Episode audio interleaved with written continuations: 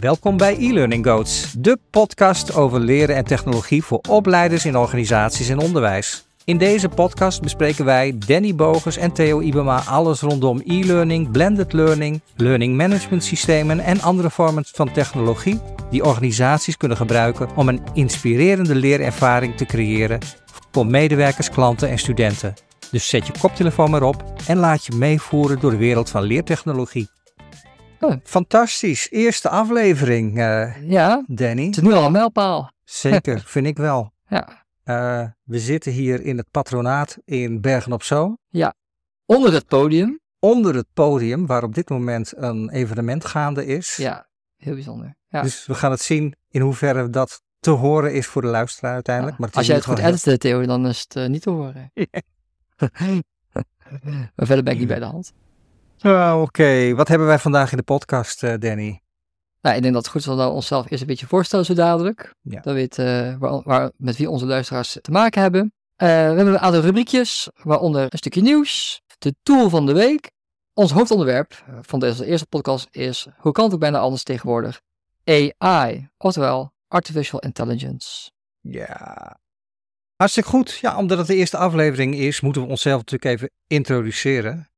Danny, ja, jij mag beginnen. Nou ja, Danny Bogers, 40 jaar, eigenaar van Doing Better, een e-learning bureau in Bergen op Zoom. Doing Better bestaat inmiddels 11 jaar en daarvoor heb ik ook jaren gewerkt, gewoon in loondienst als e-learning ontwikkelaar. Ik heb een achtergrond in het onderwijs, ik wilde ooit uh, docent Engels worden. En ja, ik heb gewoon een, uh, heel veel liefde voor de technologie en onderwijs en uh, gewoon mensen beter maken. Ook in nieuwe dadigheid hebben we elkaar ook leren kennen, Theo. Ja, precies. We hebben elkaar leren kennen bij een bedrijf waar we allebei samen uh, gewerkt hebben. Als ik mezelf even zou omschrijven. Hm. Mijn vorige baas die had het altijd over een schaap met vijf poten. En ik denk dat dat bij mij ook wel uh, past. Dus ik heb een achtergrond als docent dramatische vorming. Dat is een beroep waarbij je heel veel met mensen praat en heel veel met mensen samenwerkt en leuke dingen met elkaar maakt. Ja, en eigenlijk twee jaar in die opleiding kwam ik op een gegeven moment met computers in aanraking. En ik dacht, wauw, dit vind ik super leuk om te doen. En eigenlijk vind ik dit misschien wel veel leuker Mhm. nog. Dus bij mij is het altijd twee dingen geweest. Ik kan nooit kiezen of ik nou een alfa of een beta ben. Ehm, ik vind alle twee heel erg leuk. Ja. Dus ik heb altijd een fascinatie gehad voor leren en een fascinatie voor computers. En ja, dat gaat eigenlijk heel goed samen. En zeker de laatste jaren, waarin leertechnologie steeds meer volwassen is geworden en uh, steeds mediarijker is geworden, is dat voor mij heel erg leuk werkgebied geworden. Want ik heb animatie altijd al leuk gevonden, ik heb tekenen altijd leuk gevonden en ik heb leren leuk gevonden. Ja. Tegenwoordig werk ik als freelance ontwikkelaar en maak ik heel veel e-learnings bij verschillende organisaties. Onder andere werk ik heel veel samen met jou. Uh, ja. ja, we elkaar leren kennen inderdaad natuurlijk bij, we hebben dezelfde werkgever gehad hè. Precies. En bij Early Bridge, bij Early Amsterdam. Bridge. Ja. Later zijn we, zijn we elkaar nog een keer tegengekomen toen, ik daar weg ben gegaan en voor mezelf was begonnen. Toen heb, heeft Early Bridge uh, een contact opgenomen met uh, Doing Better om een e-learning te ontwikkelen. Klopt. En dus tegenwoordig uh, dat ik jou nu probeer te ontwikkelen. Precies, ja. ja. Dus zo, zo, zo, zo, zo is het eigenlijk een beetje gekomen inderdaad. Hè? Ja, het belangrijke overeenkomst tussen ons is dat we allebei een docentenopleiding uh, ja. hebben gedaan. En al vroeg begeesterd raakten van technologie en van de manier waarop technologie gebruikt kan worden bij leerprocessen. Uh, we kunnen dus heel lang doorkletsen over de vragen die we van klanten krijgen, oplossingen die we verzinnen ja. en ook de dingen uh, die we maken met de tools die we daarbij gebruiken. We kunnen er uh, boeken over schrijven, maar dat is veel werk. Laten we een podcast maken. Het leek ons leuk in eerste instantie om dit te doen. Daarnaast denken we ook dat het een leuke manier is om kennis te delen. Uh, maar ook om andere professionals en organisaties die, die aan de gang willen gaan met e-learning uh, en alles wat erbij komt kijken, een stukje inzicht te geven over, over dat wereldje. Ja, het is leuk als de luisteraar ook meediscussieert in de reacties die ze kunnen indienen tijdens en na de podcast. Uh, Absoluut. Dus uh, laat het niet na om uh, je mening te geven of je eigen inzichten te geven over bepaalde zaken. Of als je graag iets, over, iets meer ergens over wil weten over bepaalde aspecten van e-learning, want we, we zijn over het algemeen redelijk servicegericht en we zien jullie, ja, we komen jullie graag tegemoet. Precies. Wij vinden het leuk om over e-learning te praten. Uh, ja. Voor wie is deze podcast? Ja, voor iedereen die het leuk vindt om iets over, over leertechnologie ja. Te horen. Dus ja. Ja, klopt. Ja, en zo breed zin van het woord. Eigenlijk inderdaad. Hè, van... Ja.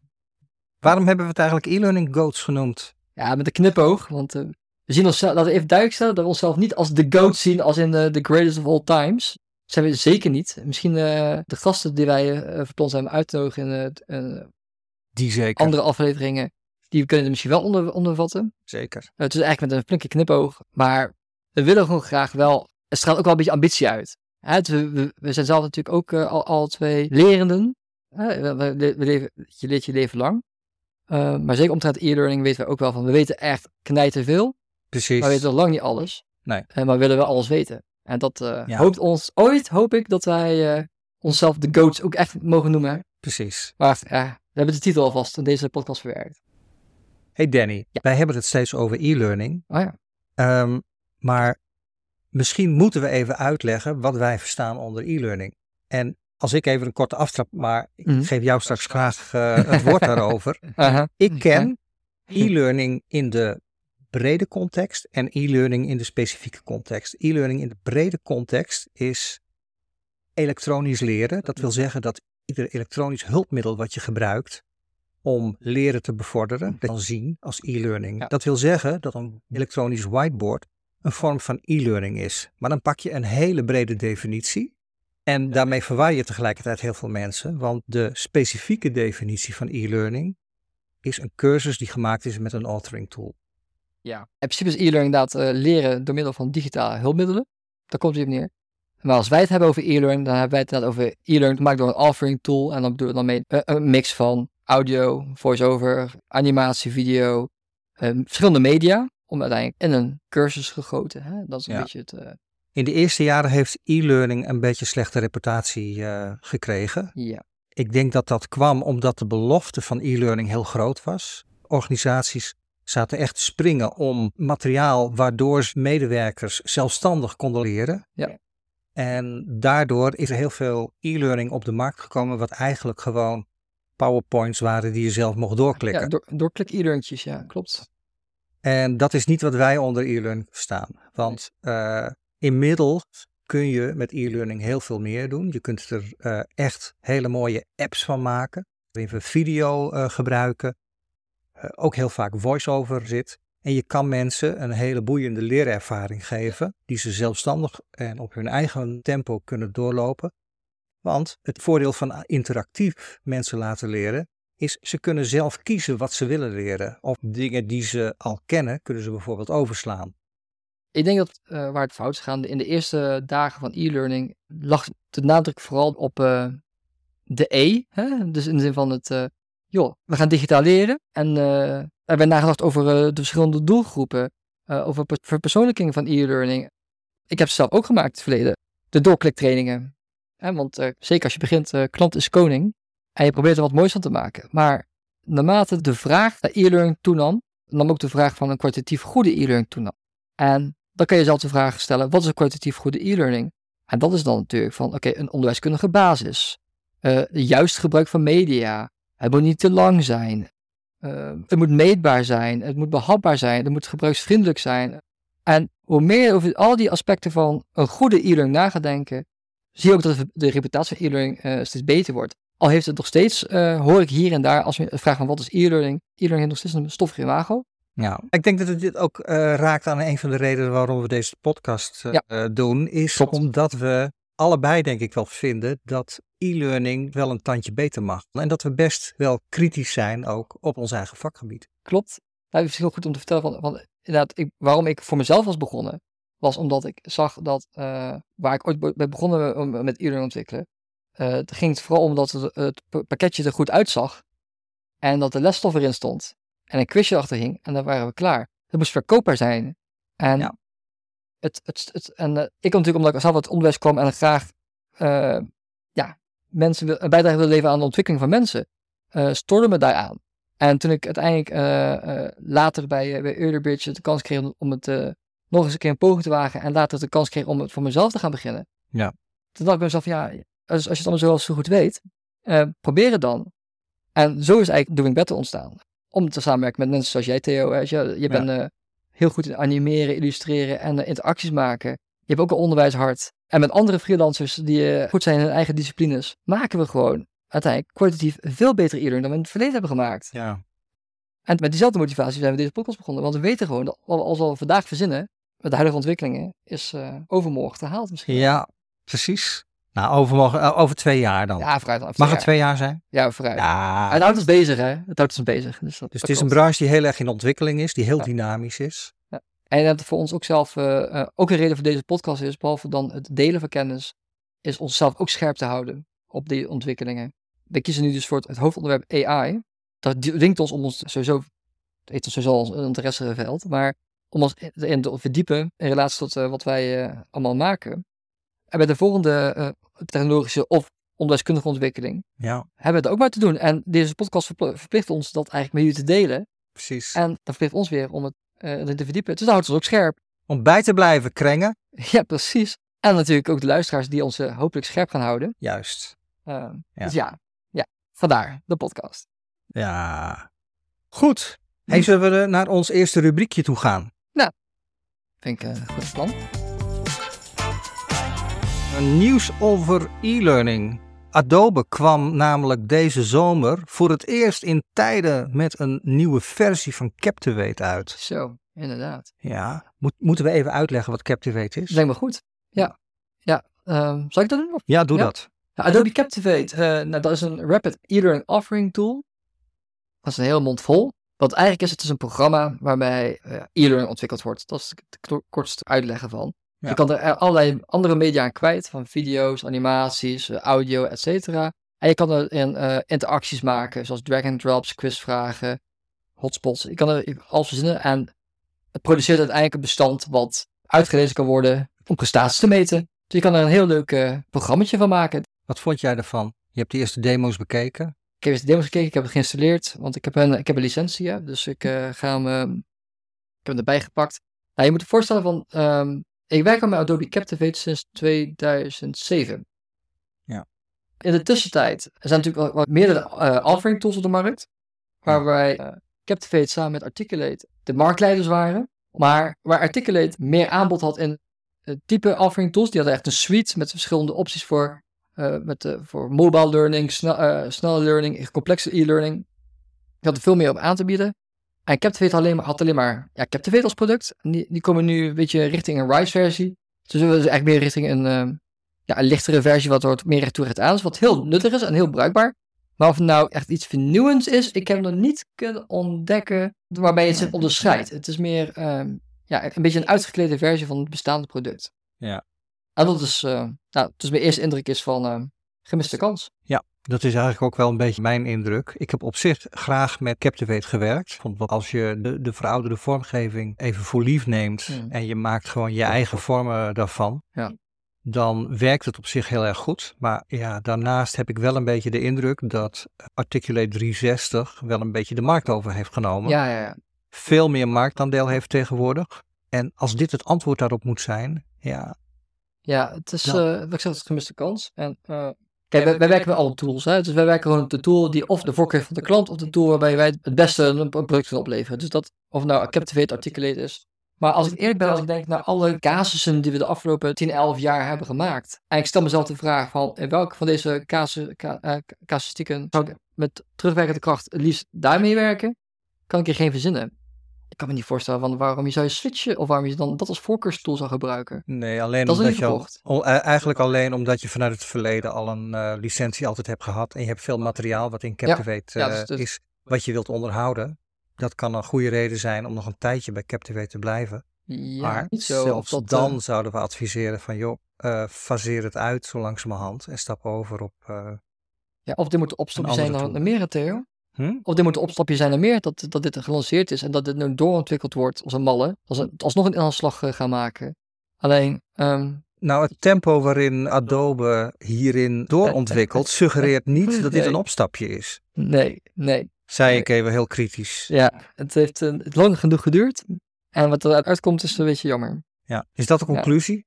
Beetje jammer. Too little, too late. Ja, het is wel, het is wel een stelling, hè. Als iemand een andere mening is toegedaan. Dan horen we hem graag. Ja, Kijk, het is eh, ook gewoon eerlijk is eerlijk. Hè. We hebben ernaar gekeken. We, hebben nog, eh, we hebben niet gezegd van, oh, laten we eens een, eh, een cursus mee ontwikkelen. Dus we hebben waarschijnlijk misschien niet eens alle functionaliteit aangeraakt. Nee. Maar dit is onze eerste indruk. En we horen graag ja, jullie mening, eh, beste luisteraars. Ja, Van, eh, zeker. Als er iemand is die Captivate nieuwe versie gebruikt heeft. En helemaal lyrisch is, hoort ook heel graag. Ja, absoluut. Top. Nou, eh, zullen we dan met het hoofdonderwerp beginnen? Ja, Adobe Illustrator. Oh nee, eh, AI. Nee, Artificial Intelligence. AI. Ja. Andere Ja. AI. De discussie rondom AI is al een eh, paar jaar gaande, maar dit jaar is het echt in een stroomversnelling gekomen.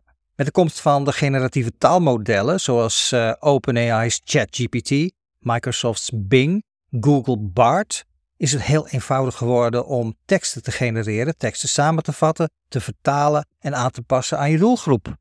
Daarnaast zijn er eh, de zogenaamde text-to-image programma's gekomen, waarmee je heel eenvoudig plaatjes kunt maken die gebaseerd zijn op een tekstinput. Al met al, dus verbluffende nieuwe tools die niet alleen verbazing en enthousiasme opwekken, maar ook grote zorgen en roep om regulering. Deze ontwikkeling heeft natuurlijk een enorme omvang en impact heel veel branches, maar wij bespreken vandaag eh, wat wij zien gebeuren in onze eigen sector. Hoe kijken wij dus zelf aan tegen AI? Ehm, Danny, ben jij enthousiast of maak je je zorgen? Ik laat eerst zeggen wel, ik ben enorm enthousiast. Kijk, weet je wat, we moeten gewoon accepteren dat de technologie er is en dat het blijft en dat het alleen maar beter wordt. Dus ik ben enthousiast. Eh, zorgen maak ik? Nee. Ja, nou weet je, ik maak wel zorgen over de breedte van AI, maar niet voor, voor, specifiek voor ons vakgebied. Nee. Er werd, er niet zo lang geleden aan mij gevraagd van, joh, maak je je zorgen over AI, omdat zometeen worden de cursussen gewoon door eh, de e-learning modules eh, door eh, AI gegenereerd. Ja. Dus, eh, ja, dat denk ik niet. Want eh, er moet altijd nog een bedrijf zijn die dan eh, dat in goede banen kan leiden. Dan zorgen wij er maar voor dat wij dat eh, dan zijn. Dus ik denk dat het is gewoon weer een zoveelste ontwikkeling waar wij als samenleving en als bedrijf daaraan ook in mee moeten gaan. Mee moeten buigen. Mhm. Wij als ontwikkelaars. En laten we dan zorgen dat we het in ieder geval begrijpen. En kunnen gebruiken en toepassen ten behoeve van onze klanten. Ja. Dus eh, nee, ik zie vooral heel veel kansen. Want dat het gewoon heel veel werk uit handen gaat nemen. En dat het ook kwalitatief beter wordt. Hm. En zeker met betrekking tot, eh, en daar zijn we nu nog niet, maar wel zeker met betrekking tot eh, persoonlijk leren. Hè? Dus dat als je een e-learning module maakt, dat op basis van jouw prestaties, dat, op basis van jou, wie jij bent, dat die e-learning wordt aangepast, zodat die beter aankomt bij jou. Hè? Dat aanpast op niveau en op taalgebruik en op jouw voorkeur, manier van leren. Stel je voor dat AI dat, eh, nog, meer drempels, dat nog meer drempels wegneemt, dat je gewoon een veel betere leerervaring kan, kan hebben. Ja. Ja, dan kan ik alleen maar enthousiast worden. Want daarom, da- daarom zitten wij in, de, in, de, in deze wereldje. Om het leren beter te maken, laagdrempeliger te maken. Als AI een tool is die dat mogelijk maakt, ja, laten we er alsjeblieft blij mee zijn. Mhm. Want zie jij, nog, zie jij daarin eh, gevaren Nou, dan? Of, of ben je, deel je met enthousiasme? Ik zit er heel gespleten in. Ik oh, jij, ben met een gespleten persoonlijkheid. Ja, ik ben een gespleten persoonlijkheid. Ja. Dus eh, bij mij gaat het altijd twee kanten op. Ik ben razend enthousiast Mhm. over de mogelijkheden. Ik vind die generatieve taalmodellen, ja die vind ik echt super. Ja. Ik, ik heb er heel veel mee, eh, mee gewerkt al. En ik moet je zeggen, je moet wel een goede inhoudsdeskundige bij je hebben. En dan is het fantastisch om daarmee te werken. Want je kan heel makkelijk teksten produceren. Ja. Je moet ze wel zelf straffe redactie erover voeren. Mhm. Maar als je dat kan en je hebt een goede inhoudsdeskundige naast je, dan kan je daar zoveel sneller mee werken. Dat is werkelijk fantastisch. Ja, precies. Alleen, je moet hem wel enorm in de gaten houden. Ik vind dat eh, ChatGPT, want die gebruik ik dan het meeste, ik vergelijk dat vaak een beetje met eh, die praatgrage oom die je op, een, Mhm. eh, op je verjaardag waar je mee zit te kletsen, die heel veel tekst uitspuugt, maar al wel een borreltje op heeft. Dus je moet hem Ja, vreselijk in de gaten houden. Ja. Maar dan produceert hij die teksten wel super makkelijk. En hij vertaalt heel erg makkelijk. En hij vat heel gemakkelijk samen.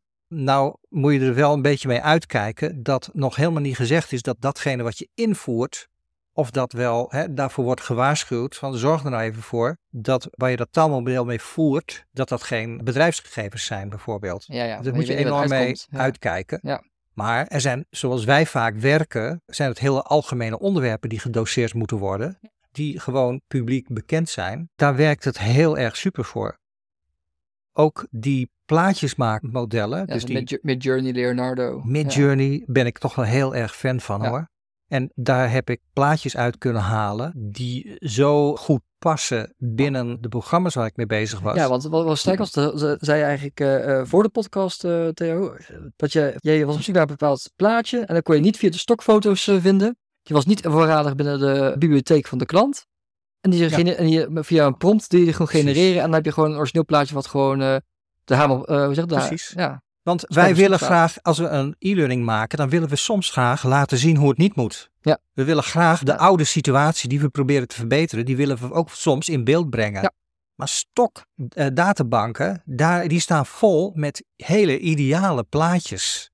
Ja. Dus ik wil niet altijd lachende, eh, blije mensen in, in, in een e-learning laten zien. Soms gaat het juist over mensen die niet zo blij zijn. Of Ja. het gaat over mensen die niet de goede dingen doen. Ja. En dat is lastig in beeld te brengen eh, met alleen maar stokfotografie. En daarin vind ik dit een enorme toegevoegde waarde.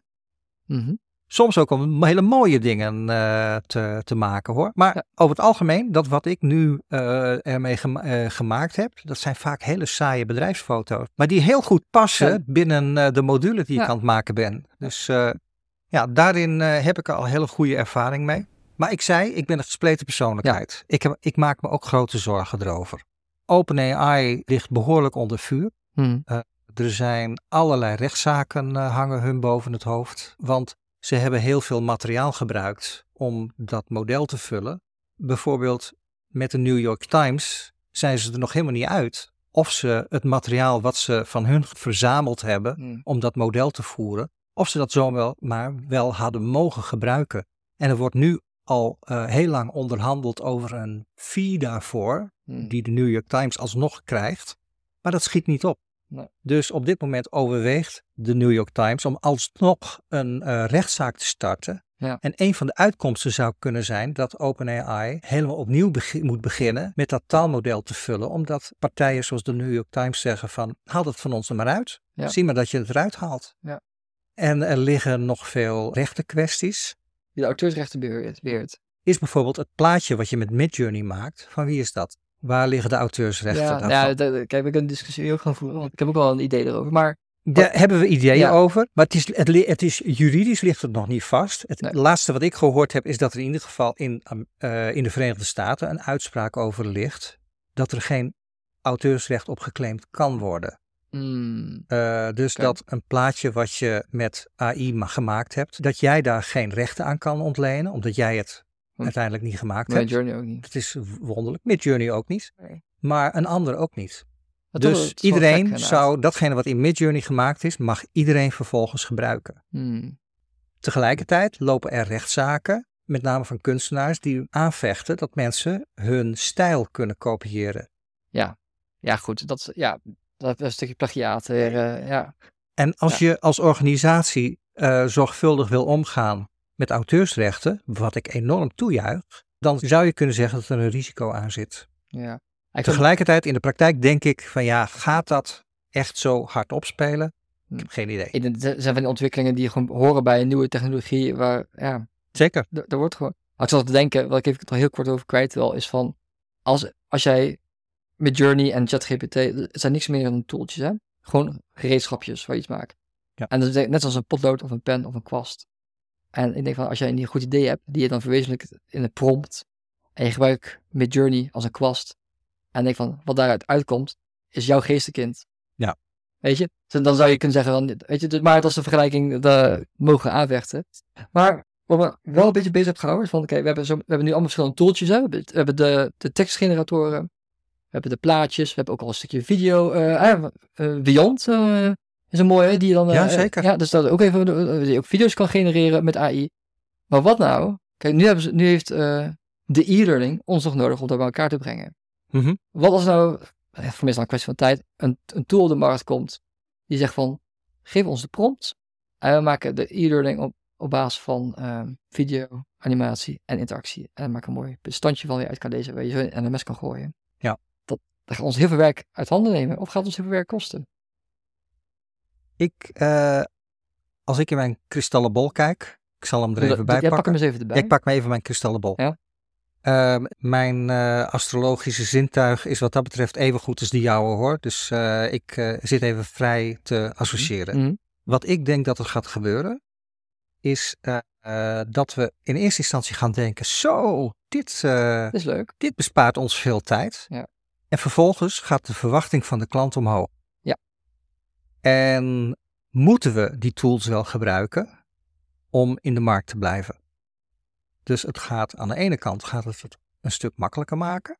Aan de andere kant gaat het eh, in de markt zo'n werking hebben dat we het wel moeten gebruiken, omdat Ja, gewoon de vraag ook verandert. Ja, maar je ziet nu al in tools en verschillende programma's hè, dat er al een, eh, een AI-plugin in zit. Hè? Dus eh Ja. zoals een Viont en zo. Dus dat gaat gewoon goedkoop. Ook in zo'n Adobe Captivate waar we het eerder over Ja. hebben gehad, of andere offering tools, komt zo'n eh, Magic eh, AI-knopje. Ja. dat, dat gaat sowieso gebeuren. Precies. En ik denk ook wel je zeggen van, van eh, ik zag wel eens een, eh, zo'n meme voorbij, of een quote voorbij komen van eh, eh, AI eh, eh, gaat je je baan niet kosten, maar eh, je wordt vervangen door iemand die wel AI gebruikt. Of wat, ik zeg het verkeerd, maar Nou, dat, is, eh, dat zal hem wel zijn. dat ja. zal hem wel zijn. Dus wij moeten gewoon Ja. zorgen, dat, dat wij en iedereen die eh, eh, mee wilt met deze ontwikkeling, je moet inderdaad zorgen dat je, waar, Ja. ik, waar ik eigenlijk mee begon, dat je bij bent.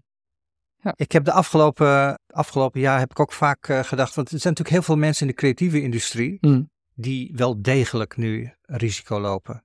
Ja, Eh, dus dat- mensen die, de tekstschrijvers van, eh, van, van eh, in Hollywood hè, zijn ze gaan staken, toch? Ja. ja. precies, daar is de discussie. Ja. Maar ook illustratoren, die hebben wel degelijk iets te vrezen van AI. Ja. Maar ik moest ook heel erg denken aan, op een gegeven moment kwamen de DTP-programma's, de Desktop Publishing programma's. Ja. Ken je, ja. Weet je nog uit die, uit die tijd dat voor die tijd de, degene die het krantje van de voetbalvereniging maakte, die zat aan de stencilmachine. Ja, En die ja. was eh eh, Ja. stenciltjes aan Ja. het maken. En dat waren oerlelijke Ja, blaadjes. ik ken ze. en ja. daarnaast had je dan de, eh, de professionele graficus die echt hele En mooie, mooie bladen maakte. ja. En dat met een drukker samenwerkte. Nou, toen kreeg je desktop publishing. Dus mensen konden met hun eerste computer konden ze voor het eerst een mooie een, een krantje opmaken.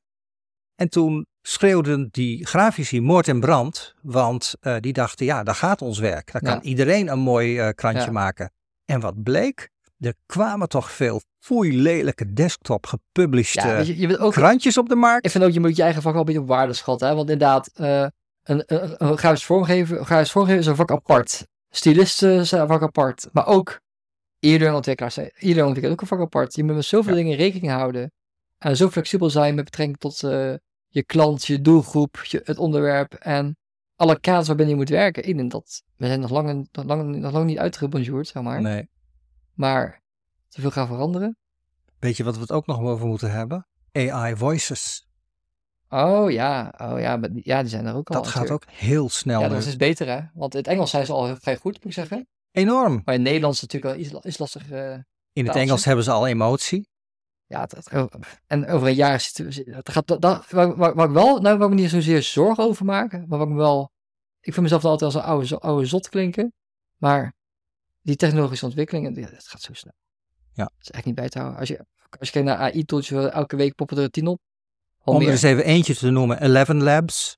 Dat is een, een pakket. Ja, het staat niet in de, in de, in nee, de nee, maar aantekeningen. maar ik zal hem in de show notes was even kijken van wat we gemist hadden. Eleven Labs is een eh, ehm, eh, elevenlabs.com. Dat is een website. Daar kun je je eigen stem klonen. Oh ja, daar, daar, heb, ik, daar heb ik ook nog dat heb ik gezien, ja. En dat Ja. is heel interessant. Maar je kunt daar dus stemmen maken en je kan je eigen stem klonen. En dat, zeker als je dat in het Engels doet, is die al supergoed. Ja, het kan nog niet in het Nederlands. Alle Nee, Nederlandse maar- stemmen lopen enorm ver achter. Kwestie, kwestie, kwestie van tijd. Maar het is een kwestie van tijd. Precies. En eh, je kan daarmee, en zeker als het gaat om hele simpele e-learnings, kun je daar eigenlijk al heel acceptabele stemmen uithalen. Ja, dat staat veel te, veel te wachten. Staat ons veel te wachten. Ik denk dat we eh, misschien nog wel eh, tien afleveringen in de toekomst aan een stukje AI gaan besteden. Ja, ik denk het zeker. Ehm, dit zal niet de laatste keer zijn dat Al- we het over AI hebben. Ook in tool van de, in het tool van de week of zo. Of, Precies. hè, dan, ja, Ja, het gaat heel veel impact hebben op onze branche. Ja, we hebben heel veel aspecten nog onbesproken gelaten, maar we komen daar eh, zeker weer op terug. zeker. Zijn er ehm, luisteraars die eh, een mening hebben over AI, het gebruik van AI in e-learning? Of die zelf een tool hebben waar ze al eh, heel Ja. veel gebruik van gemaakt hebben? Ja, oh, ja, dat is ook een goede. Ja. Geef ons tips van de, Zeker. Ik Zeker wil het heel graag weten. als je zelf e-learning ontwikkelaar bent, eh, je- doe share, zou ik Ja, zeggen. Ja. Maar als jij zorgen hebt over AI of jij zit in een branche waarvan je denkt van hé, hey, mijn werk wordt door AI Mhm. straks overgenomen, laat ons dat ook weten. ja, ben ik ook benieuwd. Oké, Nou, top. Was dat Eh, hem alweer of niet? ja, Gaan we afsluiten? Ja. Was aflevering 1. Theo, wat vond je ervan? Precies. Aflevering 1. ik vond het, ik vond het ontzettend leuk om eh, te doen. Ik moest er heel even inkomen, maar ik vond het toch wel eh, hartstikke super. Ja. Het geluid hierboven is eh, gelukkig verstomd, dus dat... Ja, dat viel heel erg mee uiteindelijk. Ja, we gaan deze podcast natuurlijk vaker hier onder het podium opnemen, maar ook op afstand van elkaar. Zeker. Want je moet denken, Theo woont in Amsterdam. En ik woon in het zuidwesten van Brabant, Bergen op Zoom. ja, Dus we, zijn, we kunnen niet altijd samen zijn om de podcast op te nemen, maar dat gaan we wel een paar keer proberen natuurlijk. En ja, dan gaat het over, over twee keer, ga- over twee keer gaat het ook over van alles hebben. precies. Over eh, onder andere Articulate Rise gaan we het over hebben. En eh microlearning Ja. gaat het hebben over twee weken. Ja. Heb ik wel gemist. Ik weet niet. Ik had nog een afsluiting geschreven. Ja, de afstelling geschreven. Dat klopt, ik zie hem hier staan. Ik heb hem ook op scherm staan, maar ik had hem niet eh Zal ik hem voorlezen? voorlezen. We kunnen het ook in koor doen. Kijken wat... Nee, doen we niet. Dit was e-learning Goats, een podcast van Danny Bogus en Theo Ibema. Over twee weken zijn we er weer met de volgende aflevering. In de tussentijd zijn we zeer benieuwd naar je reacties. Die kun je kwijt op ons Instagram-account e-learning Goats.